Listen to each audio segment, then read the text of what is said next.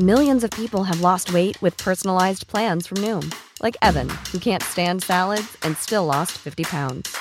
Salads, generally, for most people, are the easy button, right? For me, that wasn't an option. I never really was a salad guy. That's just not who I am. But Noom worked for me. Get your personalized plan today at Noom.com. Real Noom user compensated to provide their story. In four weeks, the typical Noom user can expect to lose one to two pounds per week. Individual results may vary.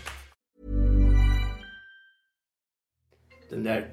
Den här bruden som du håller på med. Eller ni Prata inte för mycket nu. Det här är en podd.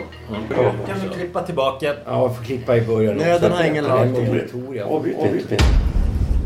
Välkommen till ett nytt program av podcasten Cyril och Stig. Jag heter Cyril Hellman och Stig, det är författaren Stig Larsson. Programmet produceras av Kontro. Dagens gäst är Syrienkännaren och författaren Aron Lund.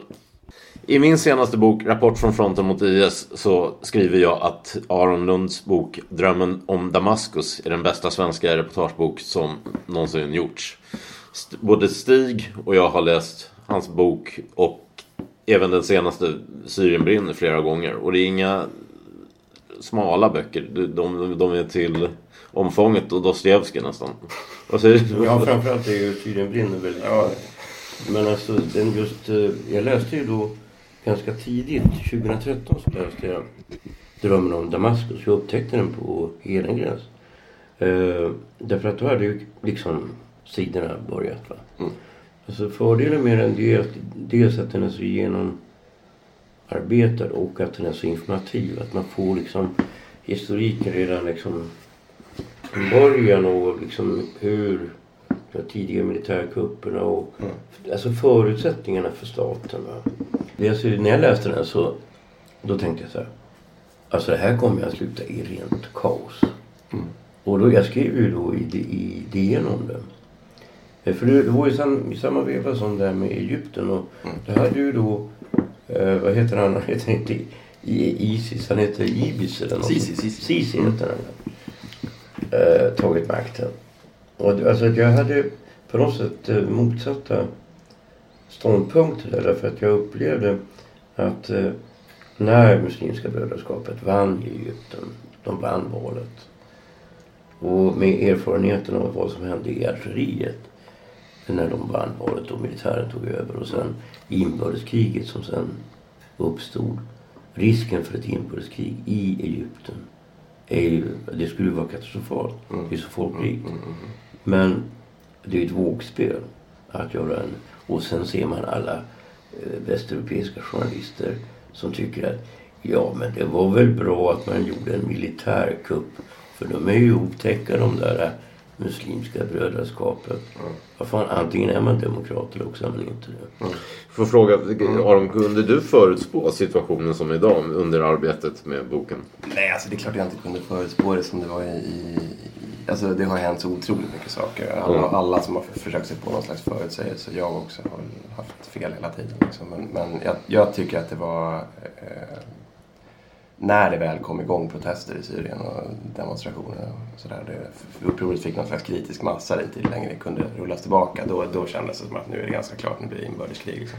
För det, det, det tycker jag, det försöker jag skriva också i den första boken. Och det, det verkar väl framgå där. Att det, det där var inte en, en, en regering som skulle backa och reformera sig. Den kan förmodligen inte ens reformera sig för då, då spricker den inuti. Och det, presidentens roll är så central och sådana saker. Och att det skulle bli just IS, Isis, har det med att göra med att, eh, att det är så mycket stor befolkning var sunni då och att det var alla viter vid makten? Ja, alltså det, att det skulle bli någon slags religiös färgning på kriget, det tror jag var klart. Att, I och med att regimen i Syrien har ju haft den här dominerade av presidentens folkgrupp, alaviterna. Eh, stöd från shia-muslimska stater och sådana saker. Det har inte varit den enda liksom, konfliktdimensionen i Syrien. Man ska inte tolka hela kriget utifrån det där men det har varit en viktig grej. Och att det liksom, Precis som man såg i Irakkriget 2003 när USA gick in där. Så, liksom, Sunni-shia-dimensionen som kanske låg latent innan det blev dominerande så småningom. Det är samma sak i Syrien. Får jag fr- fråga också, du skriver i Syrien brinner någonstans att, att eh, Syrien sågs tidigare av omvärlden mer som något liksom man, man hade kanske inte brytt sig så mycket om det inte hade gränsat till Israel. Det var mer ett efterblivet mm. land som man inte visste mycket mm. om. Hur började ditt intresse för Syrien? Att du liksom mm. började resa där och skriva därifrån. Mm. Och det är en israelisk akademiker, jag citerar det där. Ja, ja, ja. sagt. Men, ja, nej, men, eh, nej, jag, började, alltså jag började intressera mig för Mellanöstern ganska tidigt. Eh, sådär kring ja, slutet av 90-talet eller något sånt där. Eh, när, jag, när jag var ung och politiskt engagerad på alla vis. Och, och då var det ju förstås Palestinafrågan var stor. Det var andra intifadan drog igång 2000. Det hände en massa grejer. Algerikriget hade just slutat och sådana saker. Men sen att det blev eh, Syrien. Jag, jag pluggade arabiska i Stockholm ett år, Stockholms universitet. Mm. Eh, och sen så skulle jag, tänkte jag skulle, jag lärde mig ingenting liksom, här i Sverige. Så då tänkte jag att jag skulle åka utomlands någonstans och plugga. Och då frågade jag en man jag var mycket vagt bekant med som hade en falafelrestaurang i Eskilstuna där jag bodde. Han var syrier. Och frågade vad ska man studera arabiska? Syrien, sa han. Så då, då blev det Syrien helt enkelt. Och det, eh, jag var inte så jävla intresserad av Syrien just specifikt liksom då. Utan det var mer att jag, det, det är ett fascinerande land liksom. Tycker mm. jag. Det, mm. det framgår nog av böckerna att jag tycker det liksom. Och, och att det finns skäl att tycka det. Men det var när jag kom hem, jag försökte läsa böcker där och det fanns ju naturligtvis inga, inga hederliga böcker om Syrien att köpa i Syrien eh, på grund av censur och sådana mm. saker. Uh, och sen kom jag till Sverige och då fanns det ingenting här heller. Så det var egentligen, då, då började jag skriva om Syrien själv. Alltså när åkte du ner dit? 2005 var det jag var där och pluggade. Mm. Uh, tio år, ja, vad är det nu, elva år sedan. Mm. Uh, och så började jag skriva, jag gjorde de första intervjuerna till, till Drömmen om Damaskus, första boken. 2006 men kom väl igång med skrivandet 2007 och sen så tog det där en massa tid för jag gjorde andra grejer under tiden och så. Mm. Men så då, liksom, då hade jag ju suttit med den där boken på alla lediga stunder i tre år. Eh, när, när upproret började. Och då, då var jag redan så inkörd på det här och hade liksom pratat med så många oppositionella och sådär så att det, var, det kändes ju konstigt att inte fortsätta engagera sig i det. Mm. Och, sen, och då har det ju blivit nu, har det blivit nästan tio år med Syrien. Alltså, ju, alltså om inte det som hände i Irak mm. hade hänt då skulle situationen vara annorlunda. Mm, Hur annorlunda det är väldigt svårt att säga men i och med att, eh, att hela Sunni-administrationen eh, liksom avskedades och mm. på något sätt förberedde marken för mm. IS. Så alltså det skulle väl kanske inte riktigt ha blivit IS skulle nog inte ha fått fotfäste på samma sätt i Syrien om inte det hade hänt det som hände? Nej, jag tror alltså IS som sådant är ju en produkt av, av uh, kriget i Irak. Liksom. Mm. Jag menar, det är klart att det fanns ingen uh, Saddams, Saddam Husseins regim, precis som Bashar al-Assads regim. Det, var liksom, det är inga regeringar som har något lyckligt slut. Liksom. Det skulle ju bli blodvite liksom, på något vis när de faller eller vad som nu händer. Men, men jag menar det här enorma kriget som bröt ut när USA intervenerade och liksom slog sönder Baathpartiet i Irak och slog sönder armén och statsstrukturen. Det bara blev liksom fritt för alla att ge sig in i det där. Då, då är ju ur den liksom häxkitteln av, av, av, nationalism och islamism och vapen och våld och sådär som IS föddes. Och, det, och då så fanns de ju liksom redo. När, när Syrien sen bryter samman då, fan, då var det bara att kliva in. Liksom. Mm. Så det, det, tror jag, det stämmer absolut. Men det, det, någon, någon form av eh, jag menar att marken var, liksom, det var fruktbar mark för, för extremistgrupper och så när det blev krig i Syrien. Det är inte, så, så det, det är uppenbart liksom. Men att, att just IS fanns, fanns berett, liksom, det, det är en direkt konsekvens av Irakkriget. Mm. Jag känner ju en, jag håller på, jag håller på att skriva en grej själv. Mm. Och uh, jag, ska, jag håller på att göra en, en längre intervju. Jag träffade honom flera gånger. Jag känner en snubbe från Iran. Mm som var med om upproret. Han var ganska ung då, han var kommunist. Mm. Och från början så, så trodde de ju, det trodde vi här också, att det skulle vara ett vänsteruppror. Va? Men det visade sig ju i arabland efter arabland att det är islamister som tar makten. Mm, mm. Förmodligen helt enkelt därför att de är beredda att gå längre. De är beredda att dö i större utsträckning.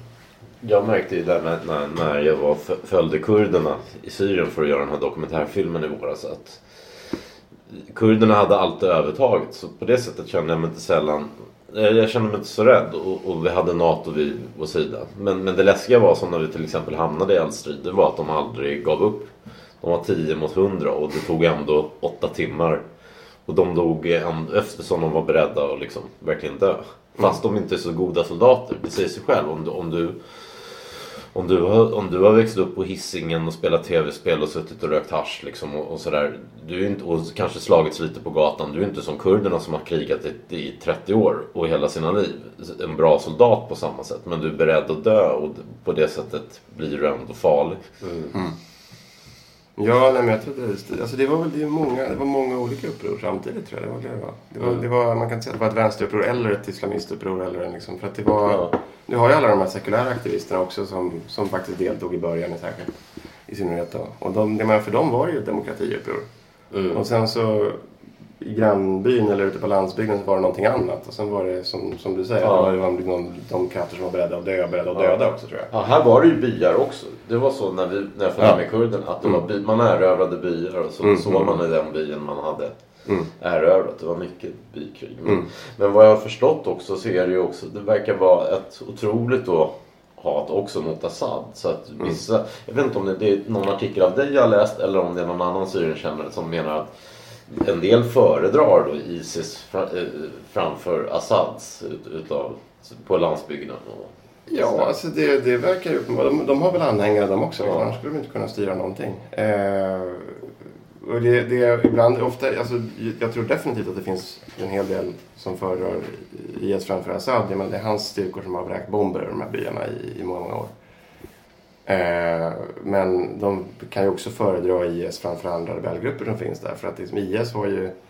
Det är lite grann så att det kriget har varit. Liksom, att det är de allra starkaste och allra mest hänsynslösa grupperna som har liksom, trätt fram i, i Mm. kaoset på något vis. Det är de som kan etablera ordning och mm.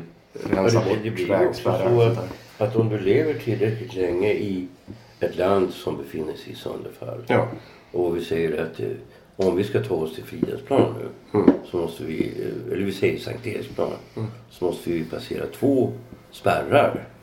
Och eh, eventuellt åka på stryk och måste betala. Och, Alltså det är ett väldigt irriterande liv. Mm. Får du då lugn och ro. Även om du då måste ja, anpassa dig till vissa saker. Och, Mm. eh, ja, kanske kvinnor måste ha på sig slöja och så. Men så länge som du får bröd och det finns... Då, alltså just, jag läste den här Loretta Napoleonis bok. Ehm, alltså det som... Det de har verkligen har satsat på det är att försöka få eh, alltså just stöd från befolkningen för att få fotfäste. Va? Att till exempel ordna poliovaccinering och sådär. Va?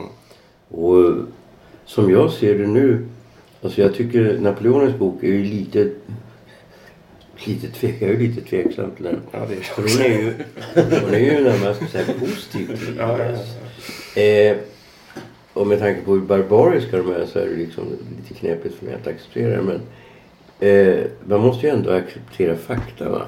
Hur många människor är det som befinner sig i områden som de behärskar? Är det upp mot 10 miljoner?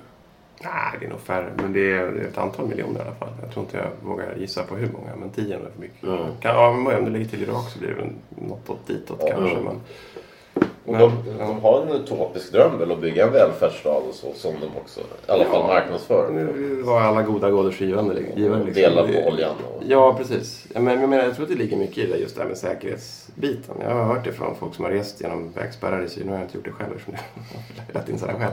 Men, men, men eh, syrier som har varit inne och rest där och sagt att, liksom att det de och många civila de snackar med i de här områdena kände sig säkrare vid IS vägspärrar än vid många andra vägspärrar. För där blir du inte rånad. Där blir du inte, liksom, det, men det kanske händer också nu mer. De blir också mer korrupta ju mer de styr. Liksom. Men, men, men fanatismen har sina goda sidor också. Är, och när du säger de att sharia-lagen ska råda då är det i alla fall det. Då vet du vad som gäller i alla fall. Ja, jag menar som du tar Mogadishu. Mm. Alltså när de, det var under, ett, under en tid när eh, alltså islamister, det var al-Shabaab va? Mm. som så hade makten över Mogadishu. Då hade de, före det så hade de eh, i snitt 50 mord per dag i en stad av ungefär Malmös storlek. Mm. Eh, och så inför de då sharia. Eh, då försvinner morden. Kanske ett mord per dag. Mm. Och staten, Och- staten utför några mord för att hålla ordning på alla. Ja, det, alltså, Ungefär så. man hugger händer av folk och sånt där. Mm. Det var ju samma med det som Yassasurs mycket kända bild av den här avhuggna handen på Och vi tycker att det är så förfärligt. Va? Men det vi måste förstå tror jag, det är att det kan vara så att befolkningen tycker att det är okej. Okay. Alltså det här med brott och straff är ju helt enkelt relaterat till hur pass djupt ett samhälle har krackelerat. Mm. Ja, det är dels det att man ser inga andra alternativ, inga bättre alternativ. Man mm. har inga andra alternativ. Det är inte så att man kan sitta och... Du kommer inte kunna välja någonting annat för det finns inget annat att välja på. Liksom.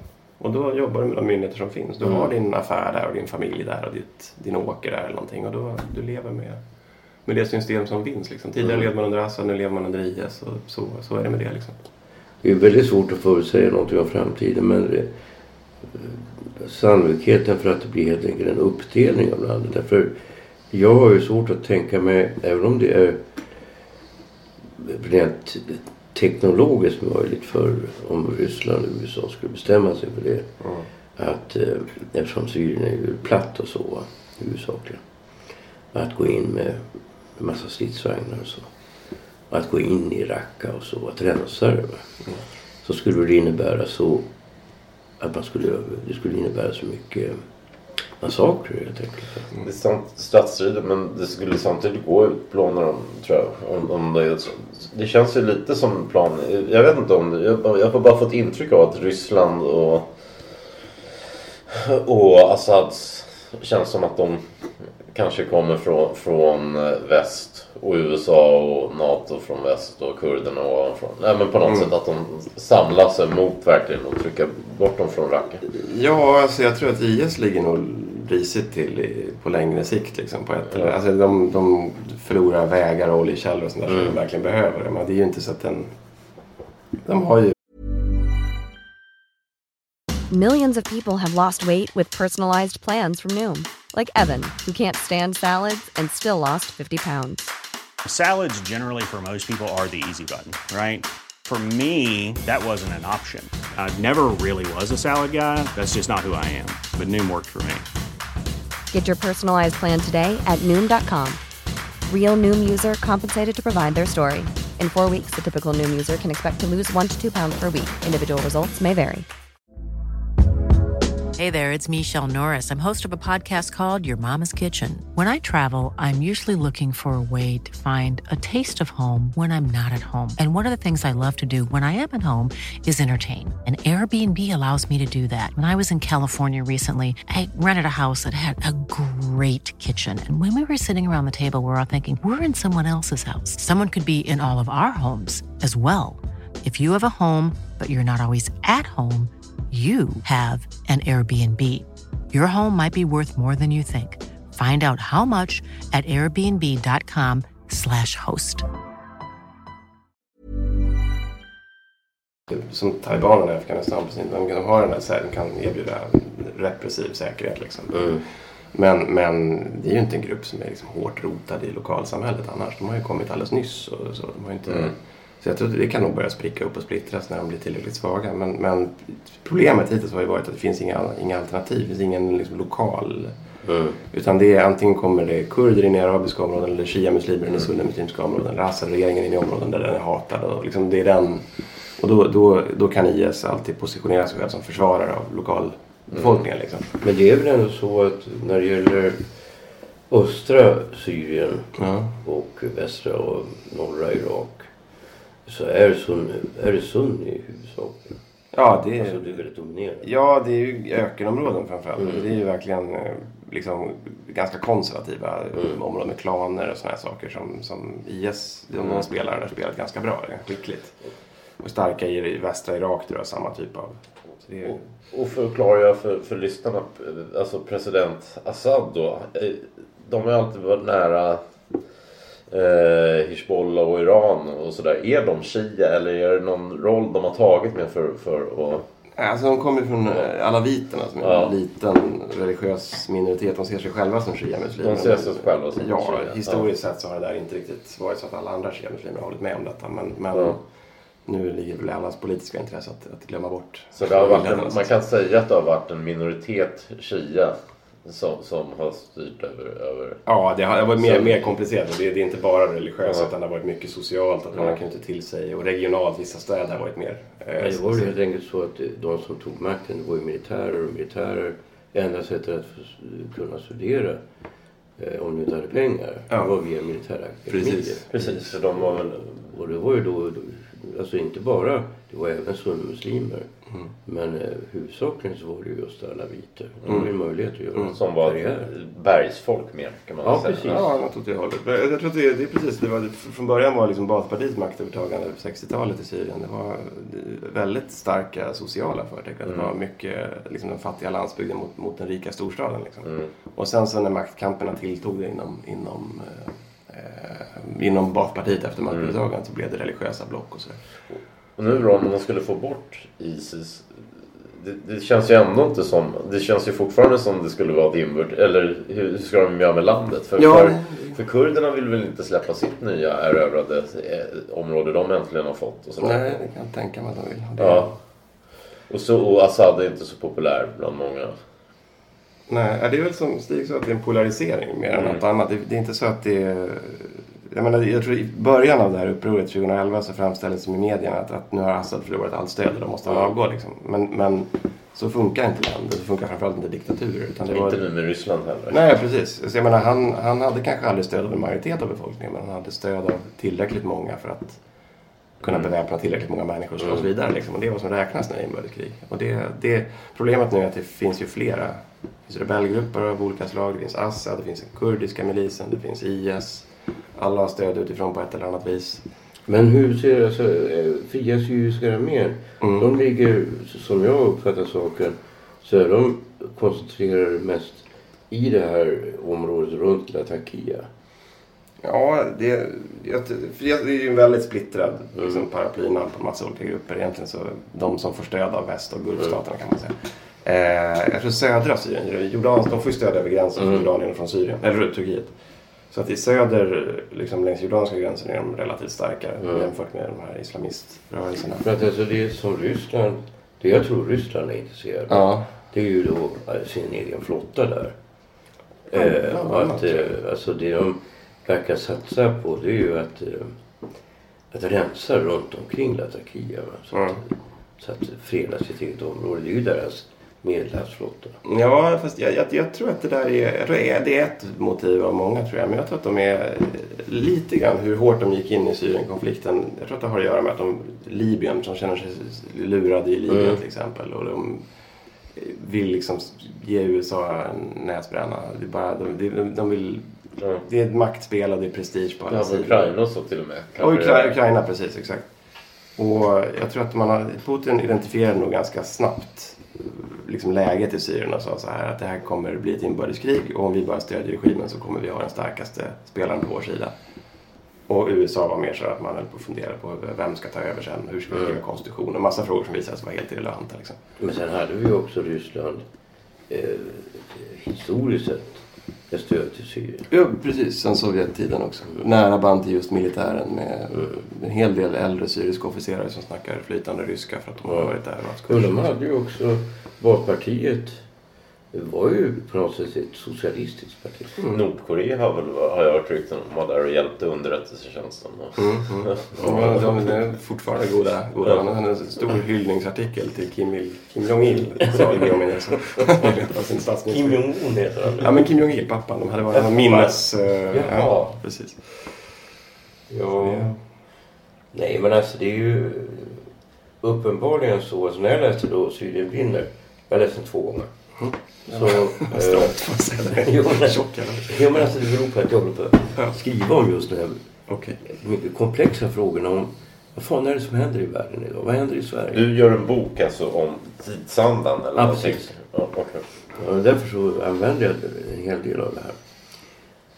Eh, när jag läste den första gången då kände jag mig så här lite irriterad på dig. För jag tycker liksom, vad fan vad naivt. Alltså, det här kommer ju att gå åt helvete. Fattar ni inte det? Eh, men sen när jag läste den andra gången så blev jag ju mer självkritisk och tänkte Ja men alltså kom igen, jag var ju själv med i vänstern Ja. en gång i tiden. Ja. Tidigt 70-tal. Ja. Jag var med i Vietnamrörelsen. Jag var ju för sig bara 15 år va. Men alltså vi hade ju Alltså våra, eh, alltså vår anledning att göra uppror. Det här var ju den tid när Sver- Sverige var ekonomiskt starkast. Vi har aldrig varit så starka. Sannolikheten att det skulle bli en revolution i Sverige. Eh, det berodde helt och hållet på att jag levde i Umeå. Där det var demonstrationer, var fyra, fem demonstrationer varje lördag.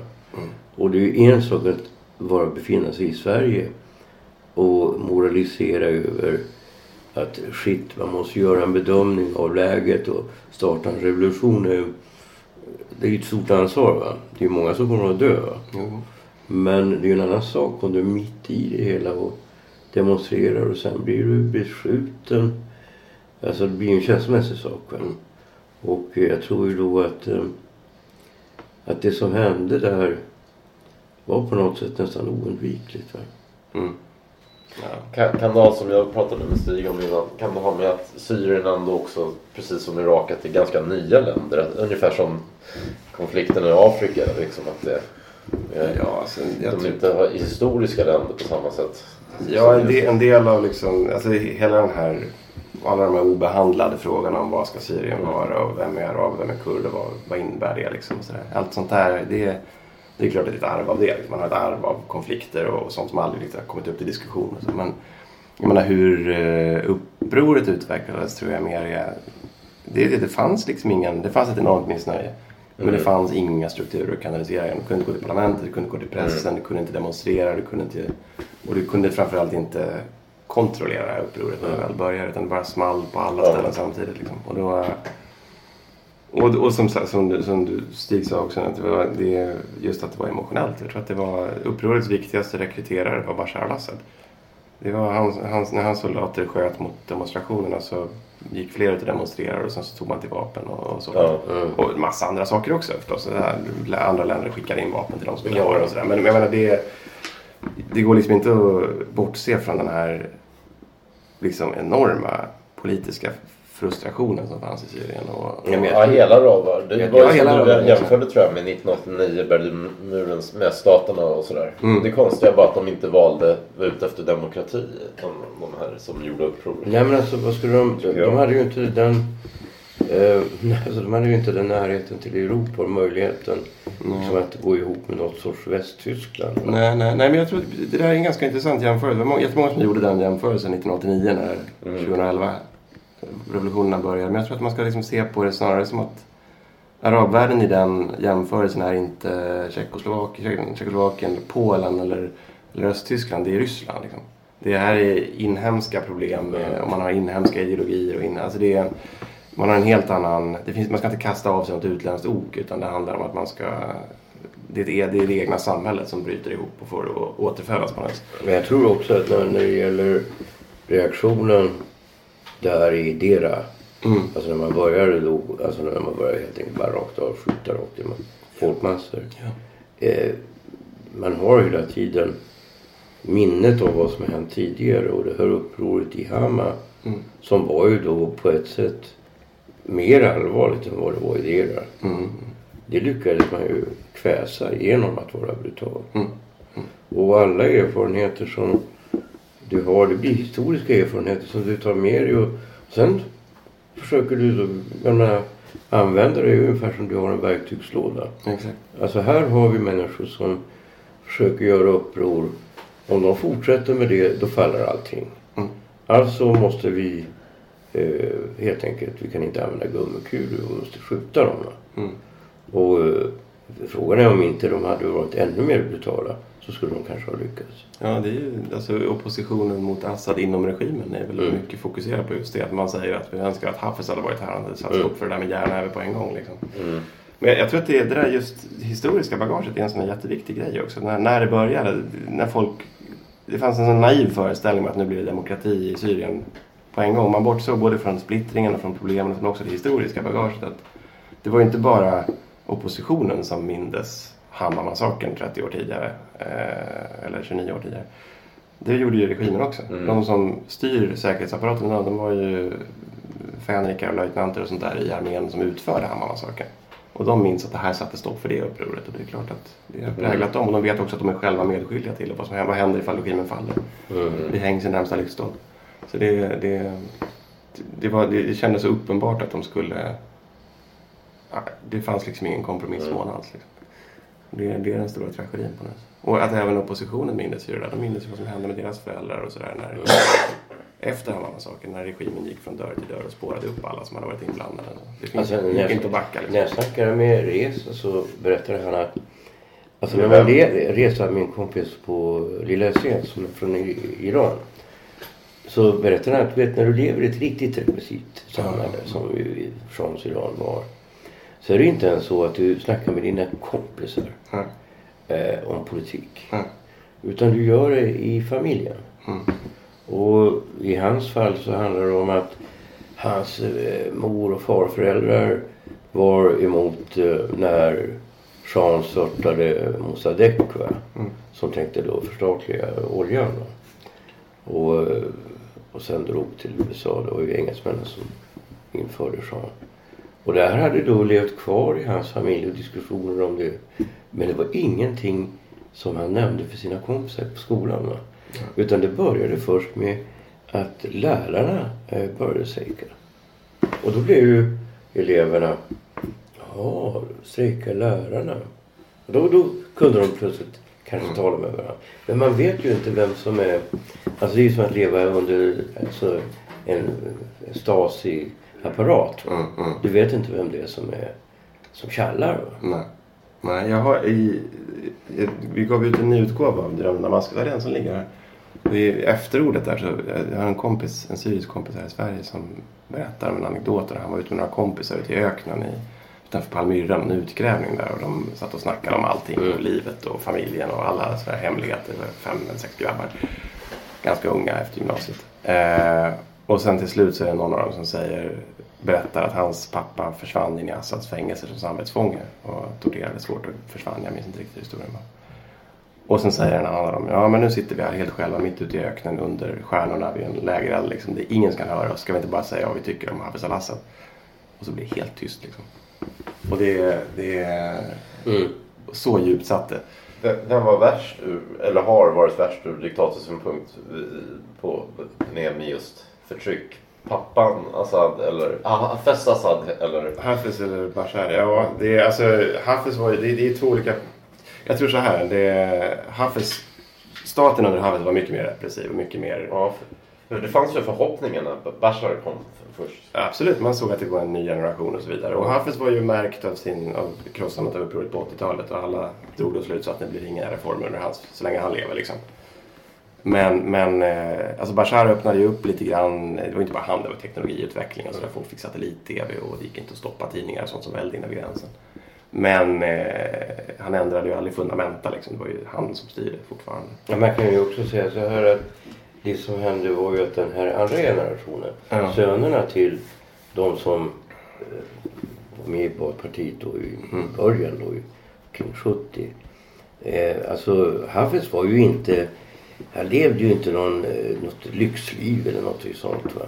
Utan det var ju deras söner, det var ju ungefär som du tänker i, eh, i Sovjet. Inte levde Brezhnev och Suslov och de här eh, Kosygin och lyxliv. De trodde ju på, jag reste ju genom Sibirien. De hade små dattjor. Ja men de dattjorna var ju, alltså jag såg ju faktiskt Honeckers dattja. Farsan var ju byggjobbare, han hade snyggare sommarstuga än Honecker. alltså, du vet jag reste genom eh, Sovjet och eh, 91, sista sommaren Sovjet fanns. Och blev helt chockad av att träffa då de här, du vet sovjetiska partipampar som var helt förtvivlade över att de var lurade. För de levde ju alltså, alltså på samma ekonomiska nivå som arbetare. Och, och han fattade inte att de trodde att vi hade det riktigt jävligt i väst. Men alltså ungefär som du tänker det. Att vi varnar Davis Cup-laget om de åker till Indien. Håll er på hotellet. Ni kommer att bli chockade av svälten som ni ser. Så såg de på oss. Va? Och, och vi har svårt att förstå. Det var ju först Brezjnevs svärson som började liksom sno åt sig grejer. Va? Det här var väl fan på 70-talet. Va? Eh, Så att det där med, alltså de, de första decennierna av, efter en eh, revolution eller vad vi kallar det. Va? Eh, leds ju ofta av idealism. Och så är det säkert också med den här ledningen för IS. Men, men här Ja, var det väl tvärtom. Familjen Assads närmaste och sånt. De drar få åt sig olja och allt möjligt. Ja, precis. och- Jo, precis. Alltså, det var ju en 30-årig period. Liksom, Ja. bakgrunden till 40 år så det har hunnit hända mycket då redan. Men jag menar, tror jag, som, som, alltså, Ha- Hafiz al-Assad levde nog aldrig något lyxliv. De byggde väl sig ett snyggt hus på kusten liksom, men ingenting som inte man kunde, inte hade råd med en presidentlön. Liksom. Mm. Men hans släktingar stal ju som korpar. Och det var ju hans, det var ett maktmedel. Så att han lät folk Mm. stjäla och brydde sig inte om det. Och ja, så länge man roffade åt sig så var man nöjd med läget. Liksom. Jo. Ja, men de är intresserade av makt, inte av pengar. va? Ja, precis. Och för att få makt så ser du till att ha människor runt omkring dig som förlorar jävligt mycket på att du faller. Ja, exakt. exakt. Mm. Men det är väl det, är väl det, liksom, det under, när skiftet från Hafez till Bashar sker 2000 när han. Så det, det som sker är liksom inte bara, det, det är ju hela den här stora liksom, ekonomiska förändringen i Syrien. Man ska lägga om ekonomin för att ha någon slags marknadsekonomi istället för socialismen. Och det, staten håller på att gå bankrutt och sådär. Och då eh, flyttar den liksom andra generationen regimmakthavare, Bashar och hans kusiner och bröder och allt vad det är. De går in i det privata näringslivet och börjar sätta upp läger där liksom, på, på ett annat sätt. Så, då, så det sker liksom en omfördelning ekonomiskt också och maktmässigt och allting under den här perioden. Så jag tror många syrier i de områden som gjorde uppror sedan 2011, de upplevde ju Ja, de, jag menar, det är klart att man kanske kunde läsa utländska tidningar. Men vad hjälpte det dig ifall du var en fattig bonde på landsbygden? Det enda du märkte var att staten hade satt priset på vete mycket lägre än tidigare. Och att du, du fick inte lika mycket vatten ur pumpen. Och det, det är den liksom enorm sån här social... eh, Men sen tror jag en annan Kris. sak som är väldigt viktig och som jag försökte förklara för min syrra. Jag börjar den här boken jag håller på att skriva nu med, det här var då för ett och ett halvt år sedan, sommaren, vad blir det, 2014. Så åkte jag och syrran ut till Birka och så frågade syrran. Du Stig, du som är så klok och läser så många böcker. Varför vill man plötsligt gå tillbaka till tidig medeltid? Det verkar ju alltså minst sagt udda. Jo, förstår du. Och jag är ju rätt van att ta frågor så här på volley. Va? Eh, Det beror på två grejer. Va? Dels så är det så att tidigare så hade man ingen aning riktigt om hur standarden såg ut i väst. Eh, man förstod inte heller inte riktigt och man upplevde de klasskillnader som fanns i samhället som absoluta. Va? Och det var ju först när den här så kallade arabiska våren kom som man överhuvudtaget föreställde sig att man kunde ja, göra, göra någonting åt det. Sen, mycket viktigt, kvinnans roll. Alltså de vet ju nu hur det ser ut i väst. Alltså de har ju släktingar, kompisar och så som har flyttat till väst eller bor i väst. Som skickar bilder, de ser på TV och de ser vad som händer i väst med eh, avklädda kvinnor och så. Eh, och tänker, men ska våra barn aldrig få uppleva kärlek? Eh, alltså den här känslan av att kvinnans frigörelse innebär att du, vi har ju vant oss vid det här va.